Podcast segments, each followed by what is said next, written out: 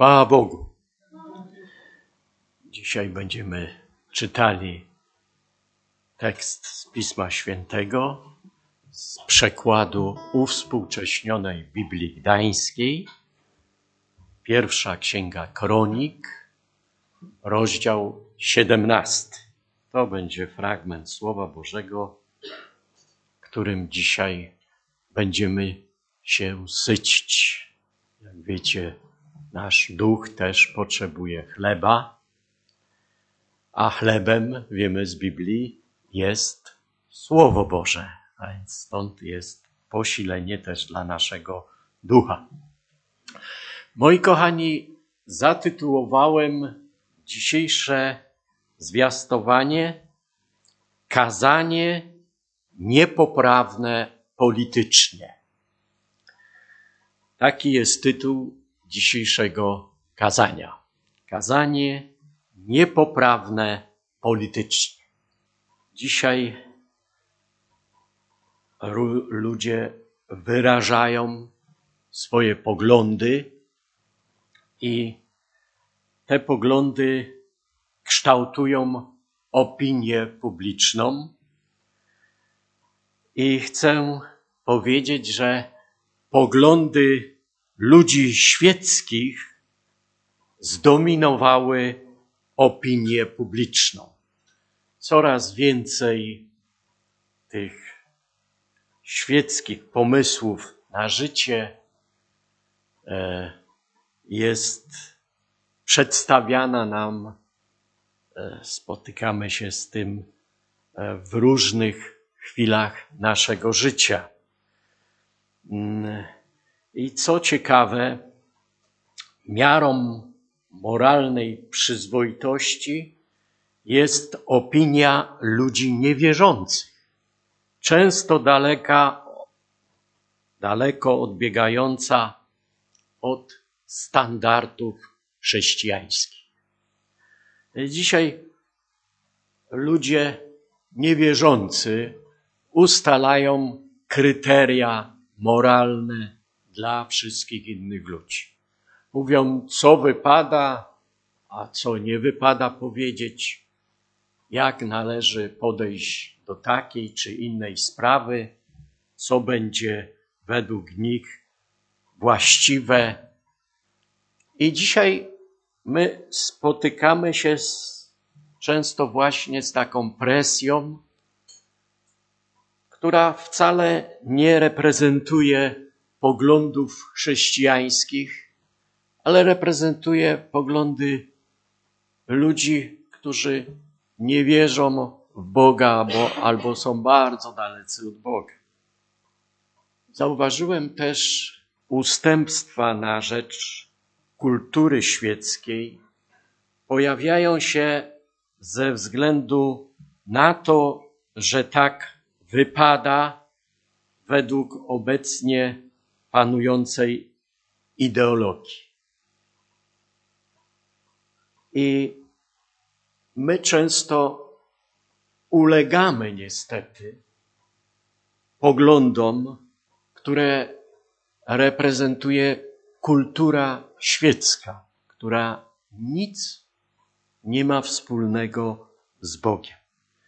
Paradoksem jest, że niewierzący ustalają standardy postępowania dla chrześcijan. E, nie wiem, czy zauważyliście, jak ostatnio w taki sposób natarczywy te poglądy są wyrażane i jak często chrześcijanie po prostu są ze swoimi poglądami spychani gdzieś na bok.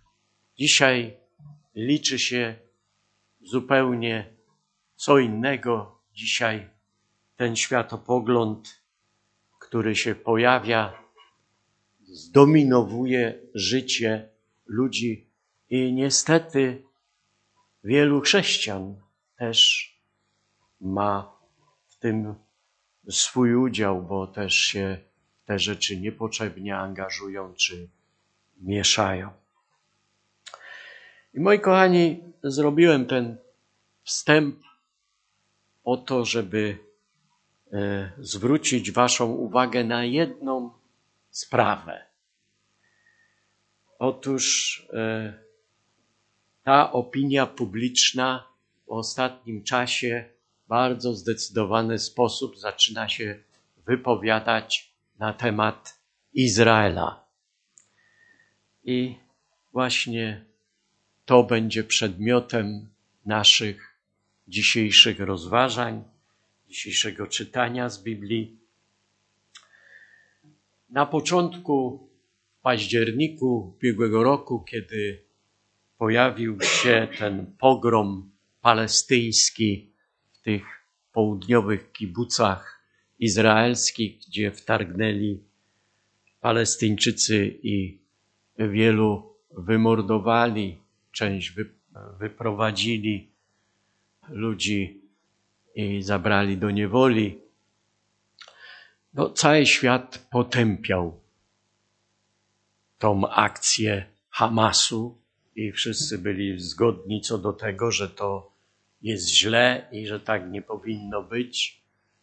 Byli oburzeni bestialstwem i, i, i takim niehumanitarnym traktowaniem Izraelczyków przez Palestyńczyków. Ale z czasem to się zaczęło zmieniać, kiedy Izrael przeszedł do kontraofensywy. Pojawiły się zdania nieprzychylne dla Izraelitów. I w zasadzie dzisiaj e, zastawianie się za Izraelem jest postrzegane jako działanie niepoprawne politycznie. Nie powinno się popierać tego, co robi Izrael na tych terenach, e, w których toczy się dzisiaj ta wojna, tam w strefie gazy.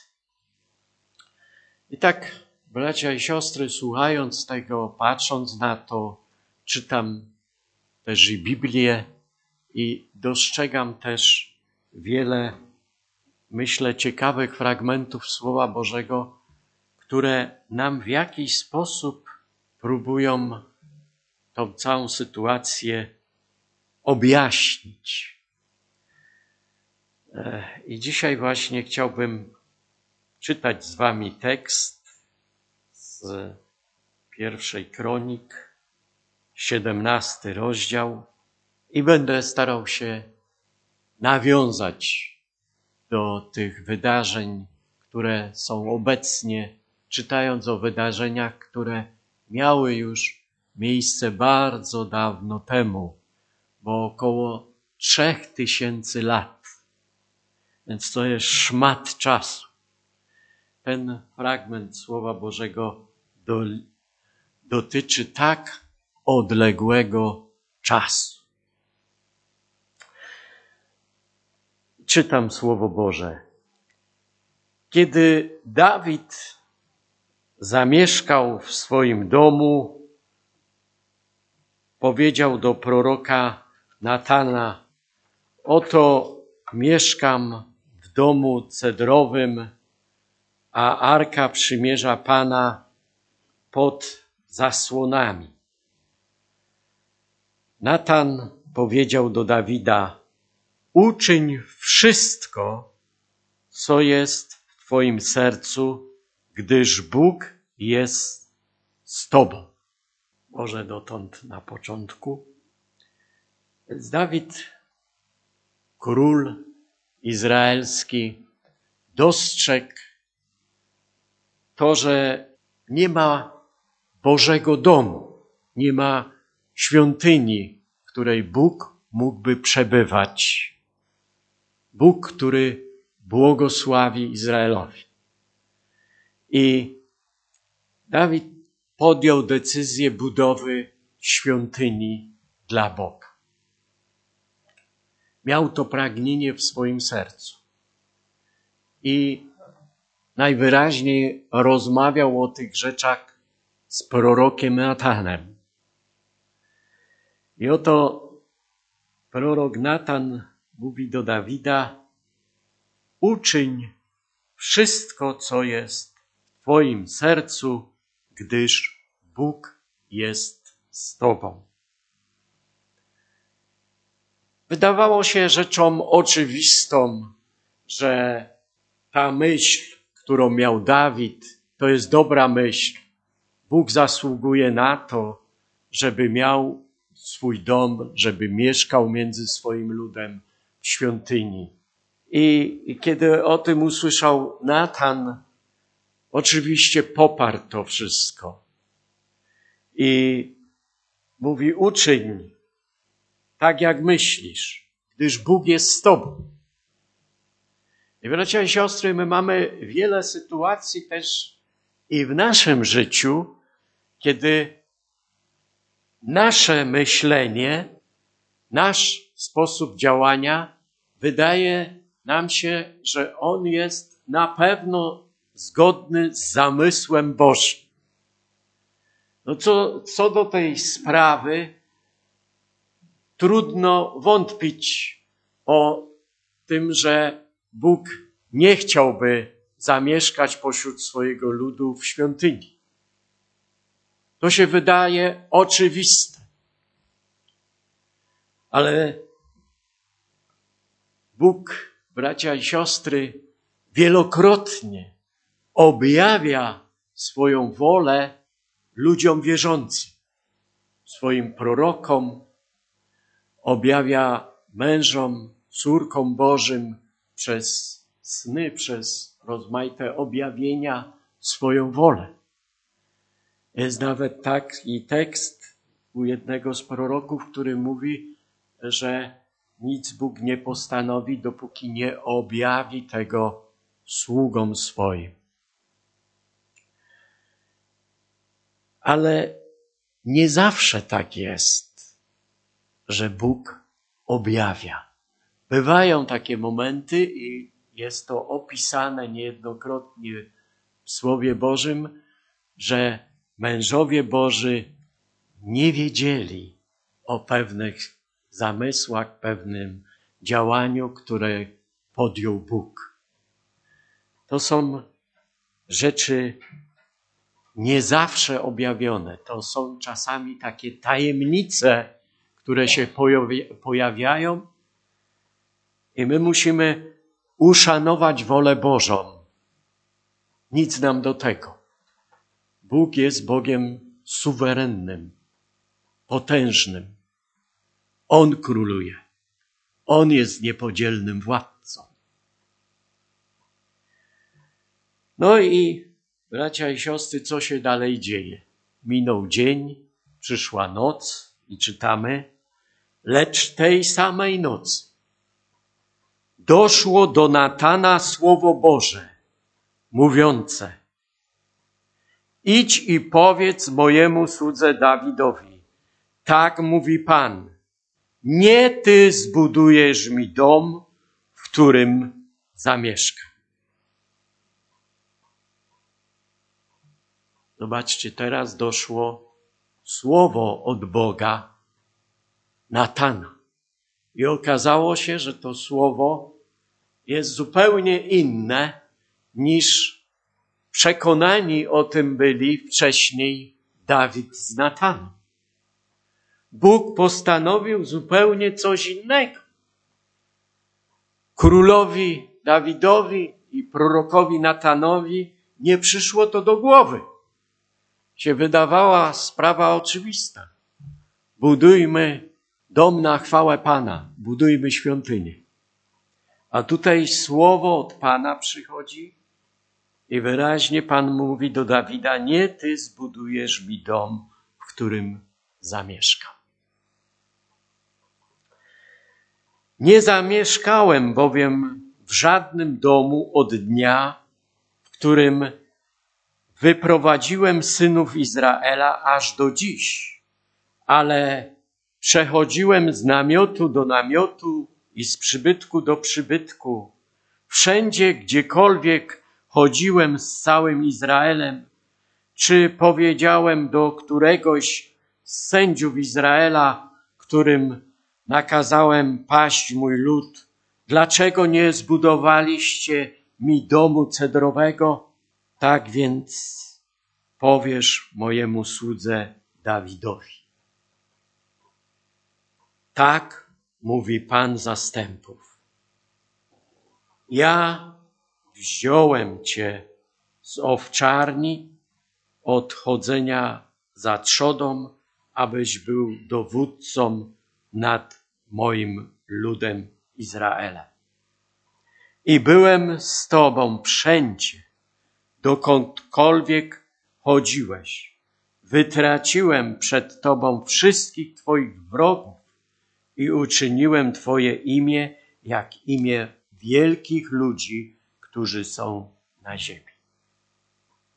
A więc nie Dawid ma być budowniczym. Cały splendor miał wziąć ktoś inny za wybudowanie świątyni. Nie Dawidowi była pisana chwała, jaka się niewątpliwie należy budowniczemu, który jakąś budowlę wznosi, a jeszcze tak wspaniałą i dla tak zacnej osoby, jakim jest Bóg. I tutaj mamy Bożą odpowiedź i Boże uzasadnienie też tej decyzji. W tym fragmencie będziemy czytać to uzasadnienie, dlaczego Bóg tak postanowił, że nie Dawid ma zbudować świątynię dla niego.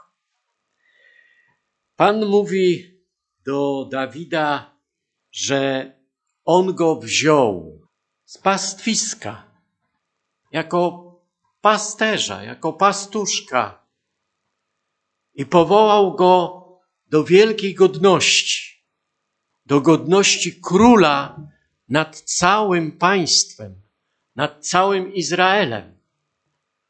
Stąd Dawid sprawował władzę nad Izraelem.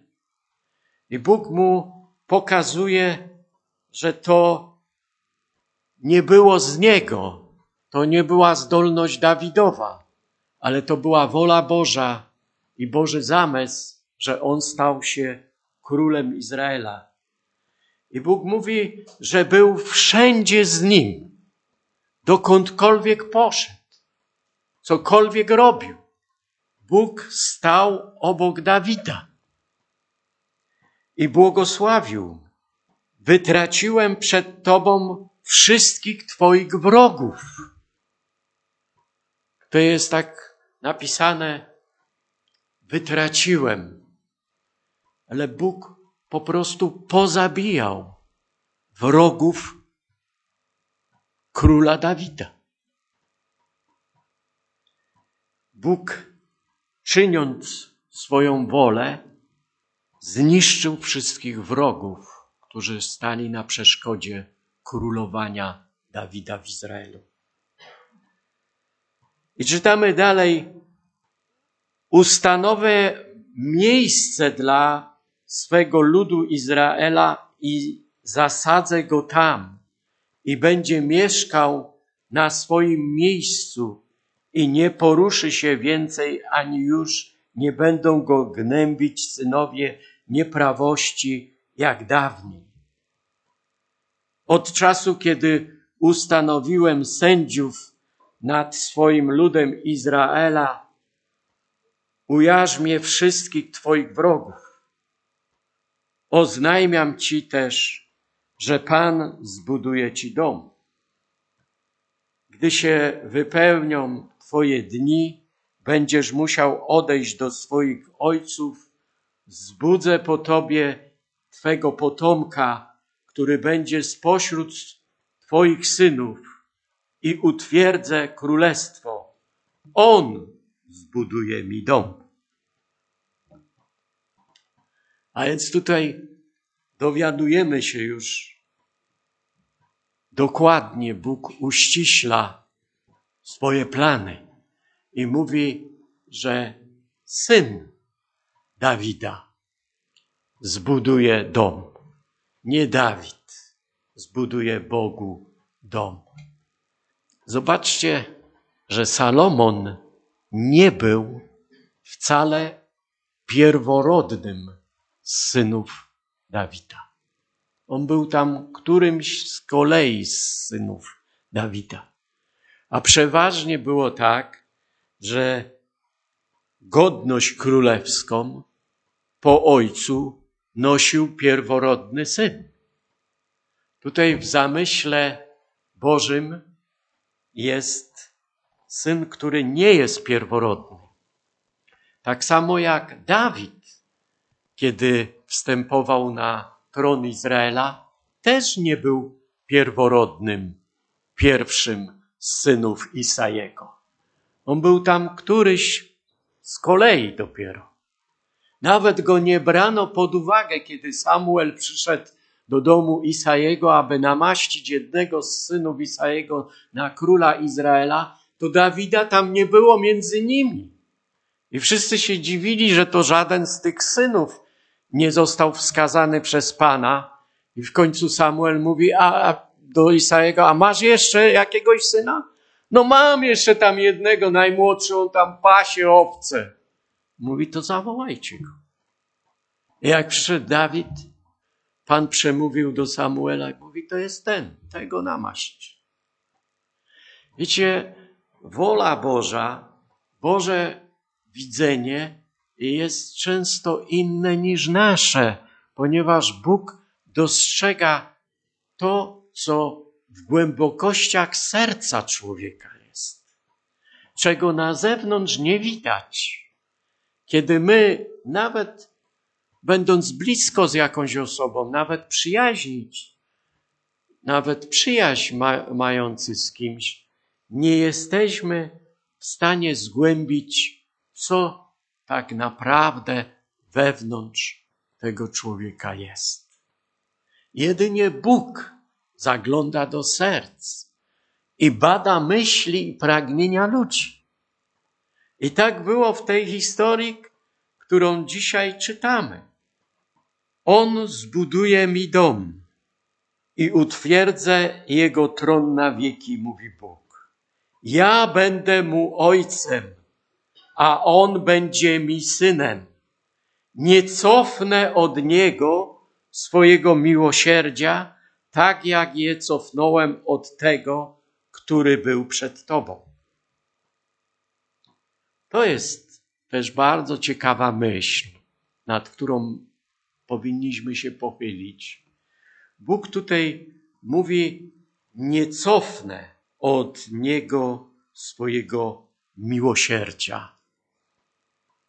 Nie cofnę, jak cofnąłem od tego, który był przed Tobą. Zobaczcie, Bóg jest miłosierny, Bóg jest łaskawy i Bóg błogosławi ludzi wierzących. I Boże błogosławieństwo jest niejako przypisane każdemu człowiekowi wierzącemu. Ale oto mamy historię, w której Bóg mówi: nie cofnę od Niego swojego miłosierdzia, jak cofnąłem od tego, który był przed Tobą. Kto był królem przed Dawidem? Saul. Czy miał Boże błogosławieństwo, jak zaczynał królowanie? Miał wielkie błogosławieństwo.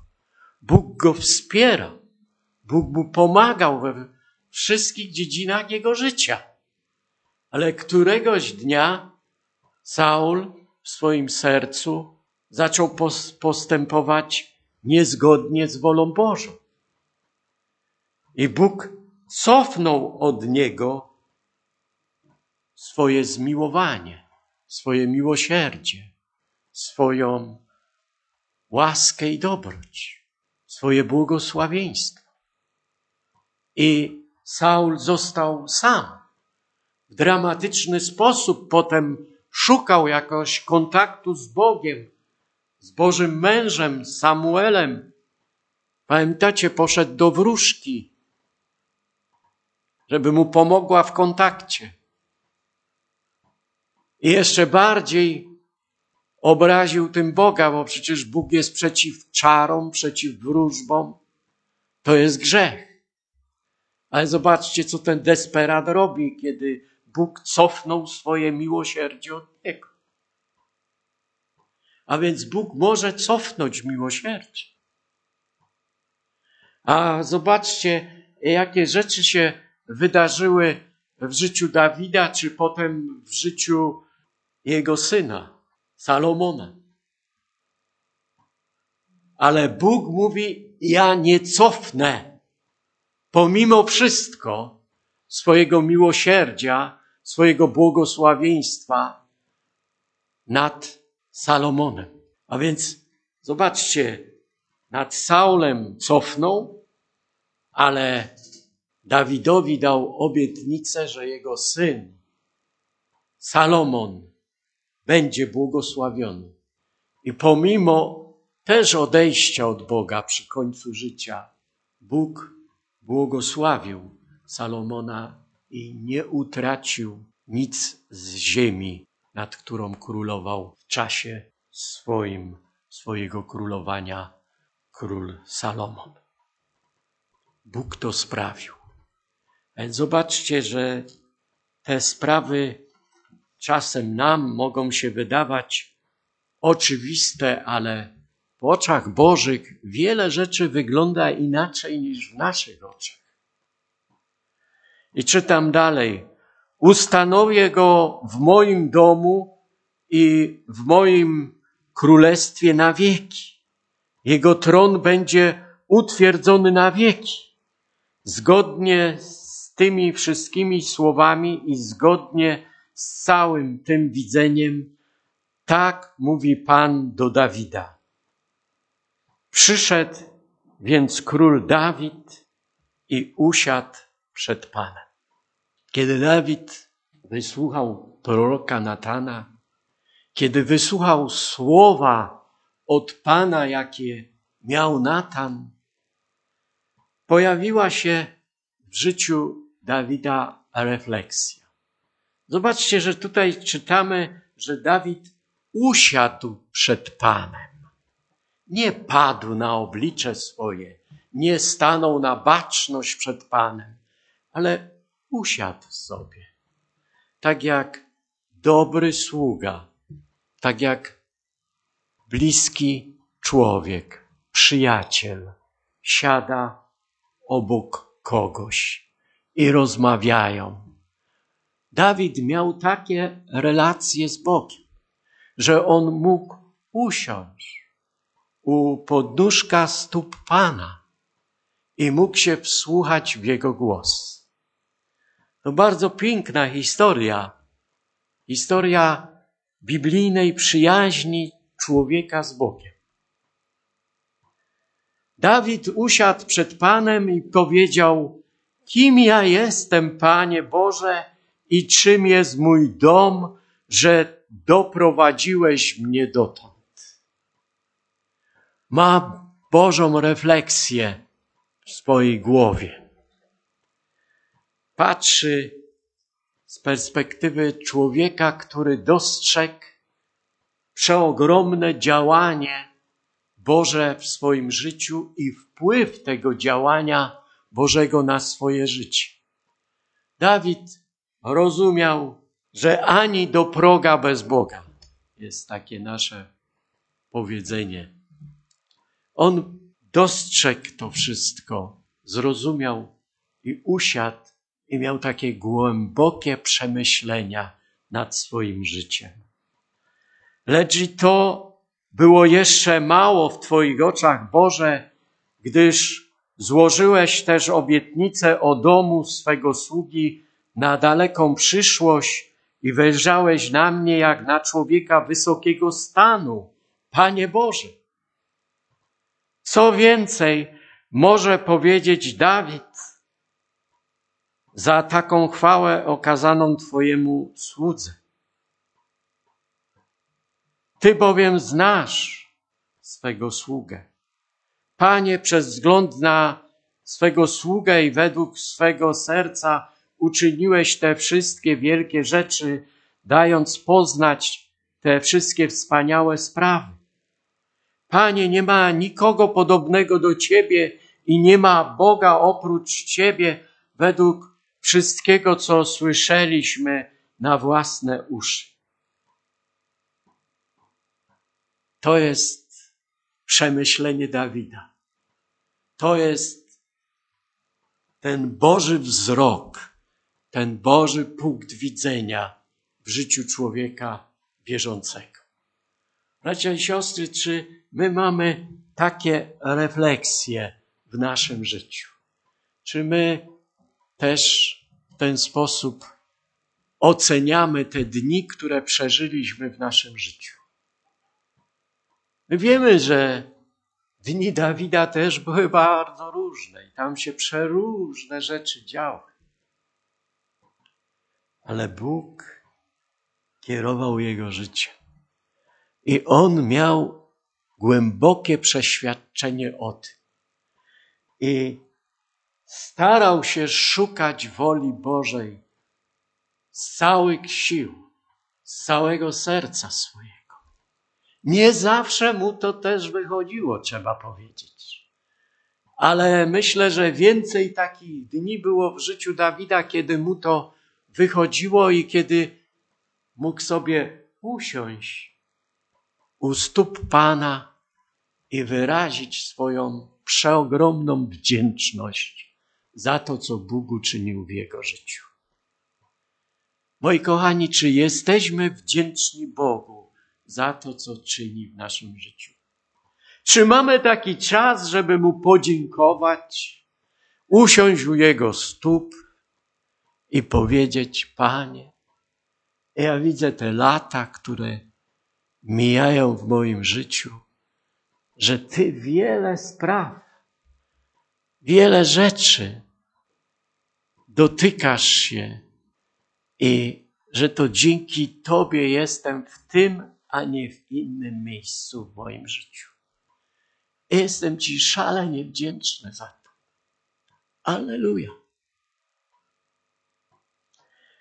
I czytamy dalej, i tu chciałbym, bracia i siostry, zwrócić uwagę, Waszą szczególną uwagę na ten dwudziesty pierwszy wiersz. I czy jest taki naród na ziemi, jak Twój lud Izrael? Czy jest taki naród na ziemi, jak Twój lud Izrael? I teraz, czytając ten tekst, uzmysłowiłem sobie, że on trzy tysiące lat temu był wypowiedziany, ale że dzisiaj jest podobna sytuacja, jeśli chodzi o Izrael. Dzisiaj Izrael jest narodem, który jest wybrany przez Boga, ponieważ to Bóg sobie nabył ten lud i on jest jego własnością. I on go nabył w określonym celu. I dzisiaj trudno znaleźć tą myśl u korespondentów wojennych ze strefy gazy. Kiedy słuchamy tam, to raczej słuchamy niedobrych rzeczy o Izraelu nie o Bogu. Słuchamy o całkiem czymś innym. I dzisiaj czytając ten tekst, tak chciałbym, żebyśmy sobie uzmysłowili, czym jest Izrael w oczach Bożych.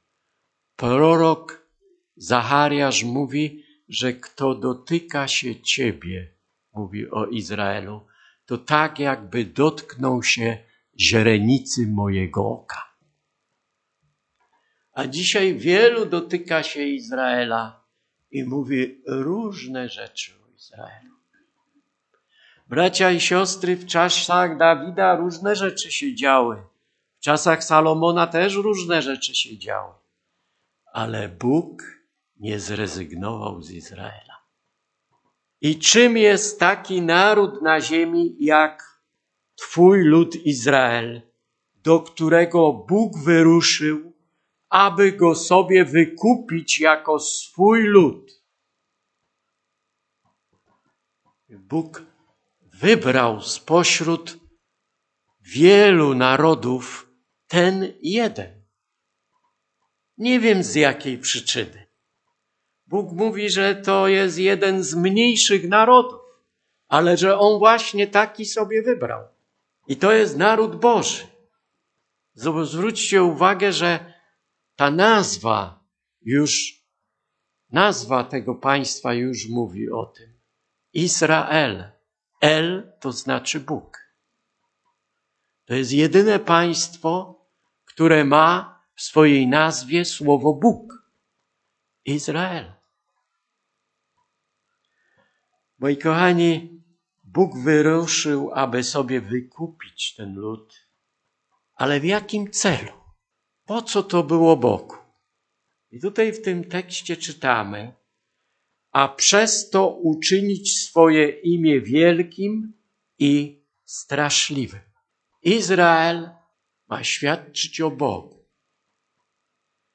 I poprzez Izrael mają się przekonać inni o wielkości Bożego imienia i że to jest imię straszne, że trzeba mieć bojaźń w sercu swoim, żeby przyjść do tego Boga, który jest Bogiem Izraela.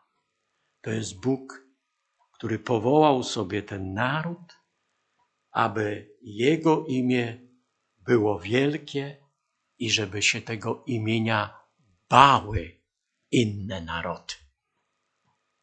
To jest obraz Boga, który jest przedstawiony w Biblii.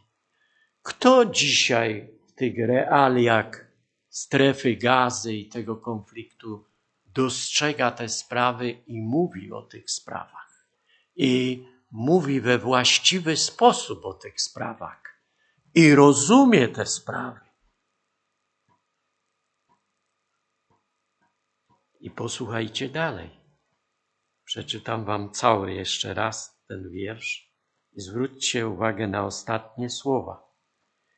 I czy jest taki naród na ziemi jak Twój lud Izrael, dla którego Bóg wyruszył, aby go sobie wykupić jako swój lud, a przez to uczynić swoje imię wielkim i straszliwym? wypędzając narody przed swoim ludem, który wykupiłeś z Egiptu. Wypędzając narody przed swoim ludem. A tak słuchałem, co mówią Izraelici. Minister Ben-Gwir mówi, że Palestyńczykom trzeba przygotować inny teren, na którym oni mają się calić, gdzie mają żyć i wymienił Synaj. Oburzenie totalne na świecie, jak usłyszeli to, co on powiedział. Co Izrael wyprawia z Palestyńczykami i tak dalej. Bracia i siostry, ja wiem, że to są trudne tematy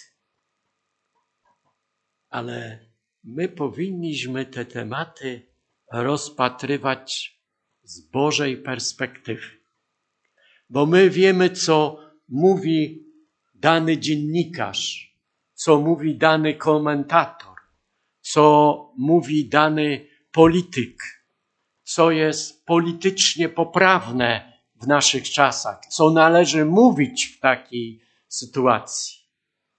I Ktoś mówi właśnie, chcąc zachować tą poprawność polityczną, ale niekoniecznie to, co mówi, jest zgodne z tym, co Bóg postanowił w tych sprawach. A przecież to Bóg kieruje tym światem. A Jego ludem jest Izrael. Izrael, który dzisiaj wydaje się być bardzo daleko od Boga. Prawie 90% Żydów to są po prostu ateiści. Ledwie 10% podzielonych pomiędzy sobą jest tych ortodoksyjnych, wierzących Żydów, ale nie w Chrystusa, tylko żyjących dalej pod starym przymierzem, które odrzuca Jezusa jako Zbawiciela. Maleńka grupa jest Żydów mesjanistycznych, tak my przynajmniej nazywamy, którzy wierzą, że Mesjasz już przyszedł i był nim Jezus Chrystus i oddali mu swoje życie i oczekują powtórnego jego przyjścia. Ale to jest ułamek procenta. I my mamy dzisiaj do czynienia z taką sytuacją. I my musimy, bracia i siostry, się dobrze zastanowić nad tym, co my mówimy w tych czasach. Jak my wypowiadamy się na temat Izraela? Czy rozumiemy to wszystko, co się dzieje? Gdzie w tym wszystkim jest Boża wola? To jest, myślę, temat dla nas do rozpatrywania. Ja czytając właśnie niedawno, bo czytam Księgi Kronik, czytałem ten siedemnasty rozdział z pierwszej Księgi Kronik i kiedy natrafiłem na ten fragment, w którym jest powiedziane, że to Bóg wypędzając narody przed swoim ludem. Bóg wypędza narody przed Izraelem. To jest zagłostka. Bo poprawność polityczna każe nam dzisiaj mówić co innego. Ale w Biblii no, czytamy to, co czytamy. I potrzebujemy Bożej mądrości i właściwego zrozumienia tych czasów, tych tekstów, tych odniesień, a przede wszystkim potrzebujemy znać wolę Bożą. Czytamy dalej, uczyniłeś bowiem Twój lud Izraela swoim ludem na wieki i Ty, Panie, stałeś się Jego Bogiem. Popatrzcie, tutaj jest napisane, uczyniłeś bowiem Twój lud Izraela swoim ludem na wieki. Izrael nigdy nie przestał być Bożym ludem. Kiedy był w rozproszeniu przez dwa tysiące lat temu. I między innymi ten zaszczyt mieliśmy my, że gościliśmy tu największą diasporę żydowską w Europie przed II wojną światową. To Żydzi znaleźli się w Europie, znaleźli się w różnych innych krajach. Ale teraz Pan ich zaczął zgromadzać, tak jak mówią stare proroctwa. Tak jak mówią prorocy, których możemy wyczytać w Biblii proroctwa, które mówią, że Izrael powróci, że Izrael znowu będzie kwitnącym krajem. I to się wszystko zaczęło dziać.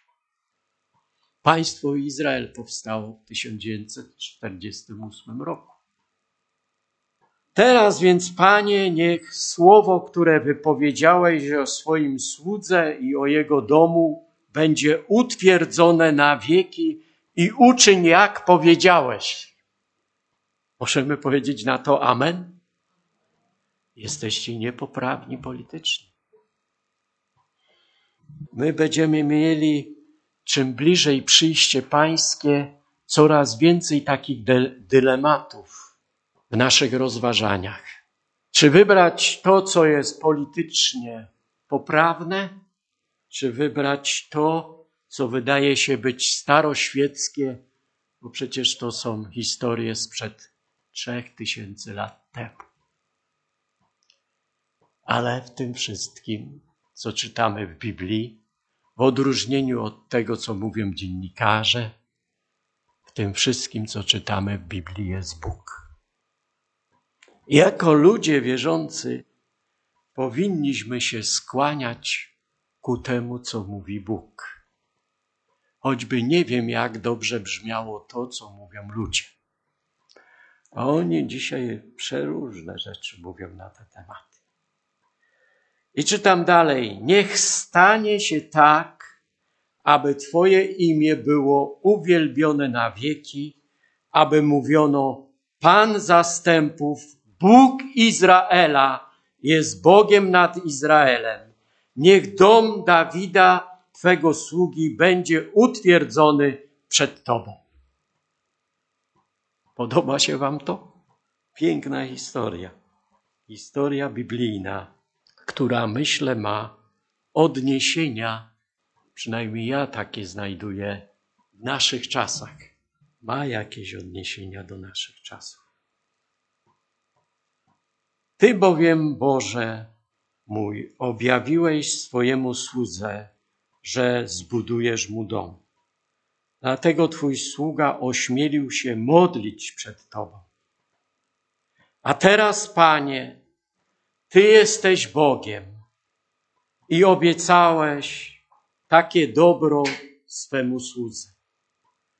Racz więc błogosławić dom swego sługi, aby trwał na wieki przed Tobą.